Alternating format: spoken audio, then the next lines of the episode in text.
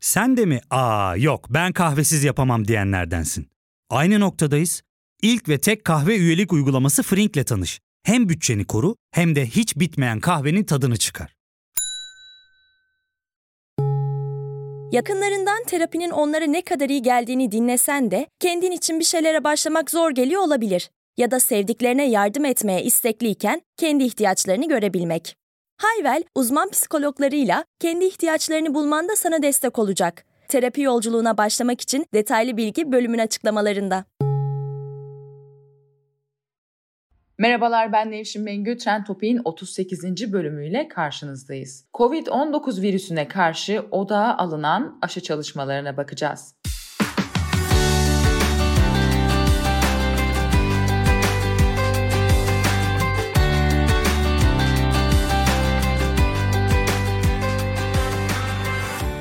Evet, anlaşılan daha uzunca bir süre COVID-19 virüsüyle baş başayız. Dünyada vaka sayıları yükselişte. Dünya genelinde onaylanmış en yüksek ölüm rakamı 16 Nisan'da 10.547 idi. Bu rakam 25 Mayıs'ta 1068'e düşmüştü. Ne var ki 24 Temmuz ve 14 Ağustos tarihlerinde rakamların 10 binlere yükseldiğini görüyoruz. Türkiye'deki gelişmeler de tedirgin edici. Yeniden bir karantina süreci yaşayacak mıyız? Bu olası ikinci dalganın hayatımıza, ekonomimize etkisi nasıl olacak? Bu sorular, endişeler hepimizin aklında. Bu endişeleri aşıyla gidermek ve tekrardan normal hayatımıza geri dönmeyi ümit ediyoruz. Şimdi aşı ile ilgili son yaşananlara girmeden önce neden tüm dünya ilaç değil de aşıya yöneldi?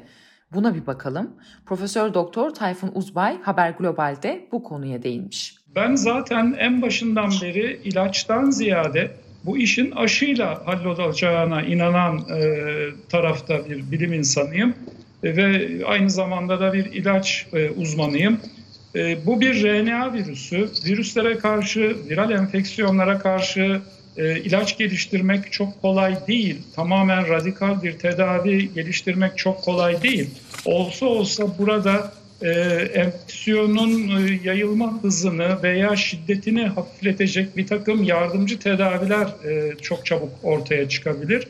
Ancak e, genel anlamda virüsü kökten e, bir tedavi şeklinde halledecek bir ilaç aşıya göre çok daha zordur. Ben de ayrıca bu konuyla ilgili yetkililerle konuştum, yetkililere sordum. Diyorlar ki yapılan çalışmalar sonucunda varılan nokta şu. Üretilen ilaçların hastalığın tedavisine etkisi limitli. Hastalığı tamamen geçirmiyor. Dünya Sağlık Örgütü de aldığı bu veriler neticesinde yönünü aşıya kaydırmış. Sadece Amerika Birleşik Devletleri'nde görebildiğim kadarıyla iki ilacın artık en son noktada kullanımına izin var. Bunun sebebi de e, bu ilaçların tüm etkilerinin, yan etkilerinin henüz takip edilememiş olması. Dolayısıyla rotamız aşı. Peki bölümün devamında da duyacağınız aşı süreçlerine bir bakalım. Hepsini tek tek saymıyorum. Dileyenler internette bulabilir. Ön klinik süreci veya preklinikal sürecinde fareler ve insan hücreleri üzerinde denemeler yapılıyor. Sonra klinik sürece geçiliyor ve insan üzerinde denemeler yapılıyor. Bu süreçte 3 faz var. Faz 1'de aşı az sayıda 50 kadar insan üzerinde test ediliyor. Faz 2'de insan sayısı birkaç yüze çıkıyor ve yaş aralığı genişletiliyor. Faz 3'te ise aşı 20 bin 30 bin insanda deneniyor. Faz 3'te hedeflenen başarı oranı yakalandığında ilgili sağlık kuruluşu tarafından onay süreci başlıyor. Normal bir aşı sürecinde her fazda aşının sonuçlarının gözlemlenmesi gerekiyor. İnsanların aşının etkili olacağı virüse yakalanmaları sonucunda aşının etkisi ölçülebiliyor. Doğal olarak bu aylar hatta yıllar sürebiliyor. Fakat Covid-19 özelinde insanlar maske takıyorlar. Hastalığa yakalananlar ya evlerinden çıkmıyor ya da hastanelerde tedavi görüyorlar. E, o zaman faz 3'ü nasıl test edeceğiz? I'm a young guy. I'm 23 years old. I'm relatively healthy. I have no pre-existing health conditions. I have no children, no dependents. It's really important that we do everything we can to, to speed up research and development Seslerini duyduğunuz kişiler COVID-19 aşısının işe yaradığını test etmek isteyen ve gönüllü olarak virüsü almak istediklerini belirten yaşları 25 yaş altındaki kişilerden bazıları. Bu sürecin adı Human Challenge Trials. One Day Sooner yani bir gün daha erken adında bir siteyi oluşturan gönüllüler Human Challenge Trial'a katılmak isteyenler için bir platform. Platforma 160 ülkeden 35 binin üzerinde başvuru yapılmış. Bu kişiler hiçbir kronik rahatsızlığı olmayan, aslında bunu sadece kendi yakınları ve risk grubundaki insanlar için değil, dünya için yaptıklarını söylüyorlar. Nasıl doğayı korumak, iklim değişikliğine dikkat etmek hepimizin görevi ise bunu da böyle bir görev olarak düşünüyorlar. Baştan sona bir aşı sürecinin tamamlanması 10 yıl sürüyor. Covid-19'da ise bu süre bir buçuk yıla indirilmeye çalışılıyor. Bu süreç nasıl indirilebilir, nasıl kısaltılır derseniz klinik süreçlerin biri bitmeden diğerine başlanabilir. Ya da klinik süreç tamamlanmadan klinik süreci devam eden aşının üretim süreci başlatılabilir. Peki ya faz 3'ü kısaltırsak? İşte Human Trial Challenge burada devreye giriyor. Ancak bu limitli ve benzer yaş grubundan oluşan kitle geneli temsil etmiyor. Peki aşı daha riskli yaş gruplarında işe yaramazsa veya kesinleşmiş tedavisi olmayan COVID-19 Human Trial Challenge'a katılan kişilere zarar verirse. Bu sorular sebebiyle aşıyı test eden ülkelerin farklı ülkelerle yaptığı faz 3 test anlaşmaları geliyor. Bu ülkelerin anlaşmalarını birazdan duyacaksınız. Farklı bir bakış açısı da şu, virüs dolaşımda olmazsa aşıyı test etmek de zor olacak. Bu sebeple ülkelerin koordineli hareket etmeleri herkesin avantajına. Covid-19 aşısının kullanımına hazır hale getirilmesinin hızlandırılması ile ilgili Vox çok güzel bir video hazırlamış. Detaylara bakmak isteyenler için linki açıklamalara bırakıyoruz. Kısa bir ara sonrasında devam edeceğiz. Ya fark ettin mi? Biz en çok kahveye para harcıyoruz. Yok abi, bundan sonra günde bir. Aa, sen Frink kullanmıyor musun? Nasıl yani? Yani kahvenden kısmına gerek yok. Frink'e üye olursan aylık sadece 1200 TL'ye istediğin çeşit kahveyi istediğin kadar içebilirsin. Günlük 40 TL'ye sınırsız kahve mi yani? Çok iyiymiş. Aynen. Hatta şu anda 200 TL'lik bir indirim kodu da var. E hadi hemen indirip üye ol da bu fırsatı kaçırma. Terapiye başlamak, içinden çıkamadığın döngüleri kırmak, bazı yanlış bulduğun kararlarını değiştirmek ve kendinle beraber daha huzurlu bir yaşam inşa etmek için atabileceğin en değerli adımlardan biri. Hayvel ile yoğun yaşam tempona uyum sağlayarak online terapi seanslarını takvimine göre ayarlayabilirsin. Bini aşkın uzmandan sana en uygun terapisti seçebilir, podb10 koduyla indirimden yararlanabilirsin. Detaylı bilgi açıklamalardaki bağlantıda. Evet, insanlık umudunu aşıya bağlamış durumda. Bilim insanları aşı üzerine çalışırlarken ülkelerde aşıyı ilk bulmanın ve piyasaya sürmenin derdinde. İşin ekonomik boyutu ülkenin reputasyonu ve prestijinin dünya toplumu üzerinde artması, siyasilerin bunu koz olarak kullanmak istemeleri yarışı kızıştırıyor. Kızışan yarışta Rusya ilk açıklama yapan ülke oldu. Bildiğim kadarıyla Yeni tip virüse karşı geliştirilen bu aşı bu sabah dünyada bir ilk olarak tescillendi. Aşının oldukça etkili olduğunu, bağışıklık yarattığını biliyorum. Tekrarlıyorum. Aşı gereken tüm denemelerden geçti. 11 Ağustos'ta Rusya Devlet Başkanı Vladimir Putin hükümet yetkilileriyle yaptığı video konferans sırasında Rus müjdesini verdi. Aşıyı bulduk dedi. Hemen akıllara Temmuz ayı ortasında Amerika Birleşik Devletleri, İngiltere ve Kanada'nın ortak yaptığı açıklama geldi. Canada's top cybersecurity authority says COVID vaccine researchers in Canada, in the US and in the UK are being targeted by professional hackers and who appears to be responsible? Russia. Bu üç ülke APT-29, The Dukes ve Cozy Bear olarak bilinen Rus troll gruplarının bu ülkelerde geliştirilen aşıları çalmaya çalıştığını açıkladı. Rusya çalıştı ama başarılı oldu mu yetkililer bir şey söylemedi. Rusya bu iddiaları reddetti. Bu iddiaların gündeme gelmesinden sonra bir ay ya geçti ya geçmedi Rusya kendi aşısını bulduğunu ilan etti. Aşının adını da Sputnik koyduklarını söylediler. Sputnik aynı zamanda uzaya fırlatılan ilk Sovyet soyuzunun ismi. Ruslar yaptıysa en iyisidir diyenler çıktı ama doktorlar bu habere kuşkuyla yaklaştı. Rusya'nın geliştirdik dediği aşının 3. faz denemelerinin tamamlanmadığı, bu nedenle güvenli olmadığı uzmanlarca söylendi. Anadolu Ajansı'ndan Elena Testova'nın İngilizce derlediği haberde Rusya'nın faz 2 aşamasını 3 Ağustos'ta tamamlamayı planladığı ve faz 3'ü Rusya haricinde farklı ülkelerde deneyeceği söyleniyor. Haberi 11 Ağustos'ta Rusya'nın aşıyı bulduğunu duyurduğunu referans alırsak faz 3 sadece bir haftada tamamlanmış demek oluyor ki bu nasıl olacak? Ancak Vladimir Putin bu aşıyı kendi kızlarından birine yaptırdığını iddia etti. Kızının ateşinin aşı sonrasında yükseldiğini ancak sonrasında normale düştüğü söylendi. Putin'in kızları 35 ve 33 yaşlarındalar. Rus aşısının 3. faz denemeleri de kendi topraklarında yapılacak şekilde Rusya ile anlaşma yapmış ve aşıyı almış 20 ülke var. Rusya'nın açıklaması bu yönde. Moscow Times haber sitesine göre bu ülkeler arasında Kazakistan, Beyaz Rusya, Meksika, Filipinler, Suudi Arabistan, Endonezya var. Daha sessiz sedasız aşı çalışmalarını yürüten bir ülke de Çin. Dünya gelişmeleri Çin televizyonunun yaptığı haberle öğrendi. Çin Devlet Televizyonu'nun haberine göre Çin'de devlet firmalarından biri Temmuz ayında yani Rusya aşıyı bulduk diye açıklama yapmadan 3 hafta önce Çin aşısını faz 3 için hazır hale getirdi ve insanlara deneysel olarak yapmaya başladı.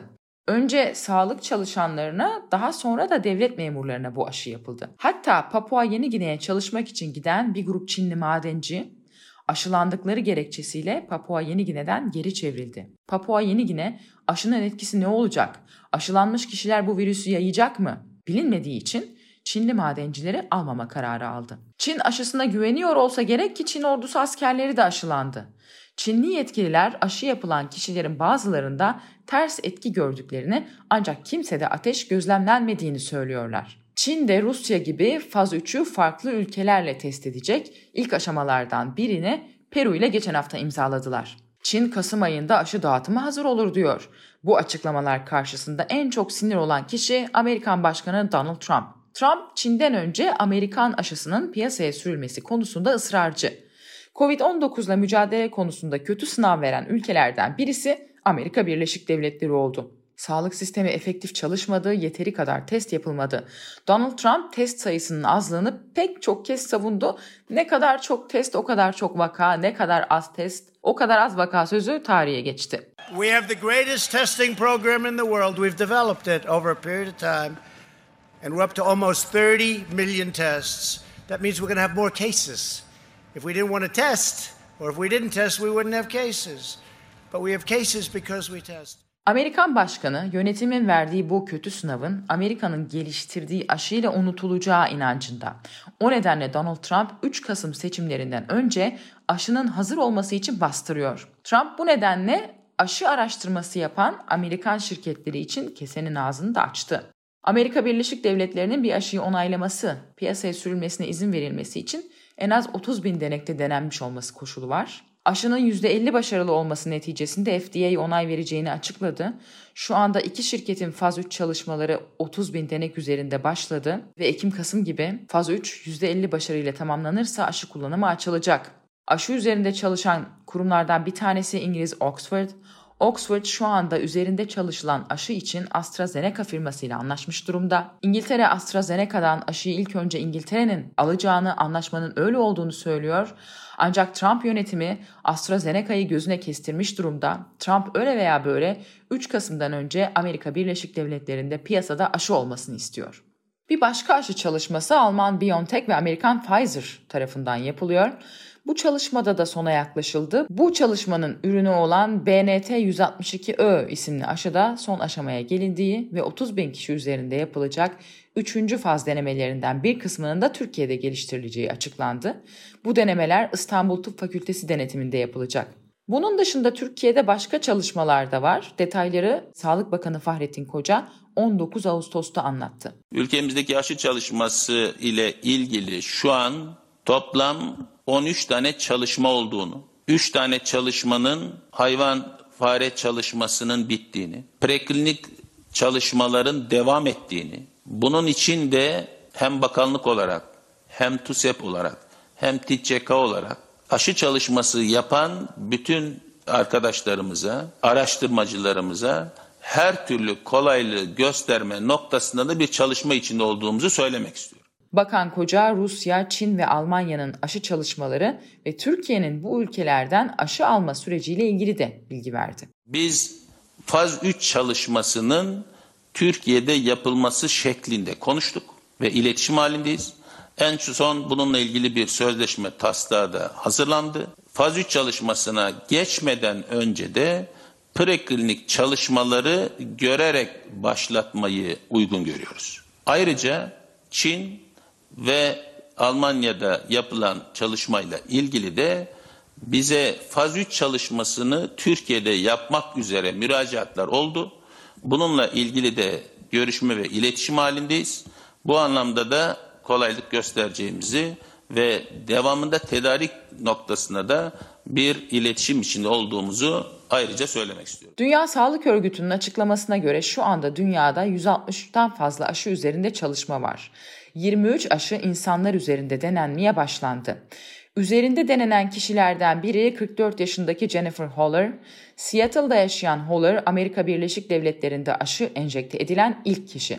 Jennifer Holler kendisini muhteşem hissettiğini söylüyor. Hafif omuz ağrısı dışında kendisinde hiçbir yan etki olmadığını aktarıyor. You know, um, there's the usual um, vaccine kind of um, potential side effects, you know, soreness at the site of injection, fever, chills, um, nausea, things like that. And uh, I actually have not experienced those at all so far. Um, in fact, my arm feels better than it than it has um, with previous flu shots. Evet, şimdi toparlamak gerekirse aşı çalışmalarında Rusya, Amerika Birleşik Devletleri, Çin ve Almanya'nın faz 3 çalışmalarına başladığını ancak sonuçların %100 etki etmeyebileceğini söyleyebiliriz. Faz 3 aşamasının farklı ülkelerde denenmesi daha hızlı sonuç alınmasını sağlayacak gibi görünüyor. Human Challenge Trial ise İngiltere'deki Oxford Üniversitesi'nin yıl sonuna kadar denemeye başlayacağı belirtiliyor. Türkiye'de de faz 3 çalışması yapılacak. Anlaşılan o kaç kişide yapılacak, test süresi ne kadar gözlemlenecek, başarı kriteri ne olacak? Türkiye'de aşı geliştirme çalışmaları henüz preklinik aşamada. Acaba hızlanıp klinik çalışmalara başlayabilecek miyiz? Ee, bu soruların cevaplarını takip edeceğiz. Evet bu hafta sonu 30 Ağustos hem 30 Ağustos'a hem de Ağustos ayındaki zaferlere değineceğimiz bir bölüm hazırlıyoruz. Pazar günü yeni bir bölüm daha yayına alacağız ve konuğumuz Emrah Safa Gürkan olacak. Güzel bir sohbet olacağına inanıyorum. Trend Topi'yi Podbi Medya ile birlikte hazırlıyoruz. Görüşmek üzere.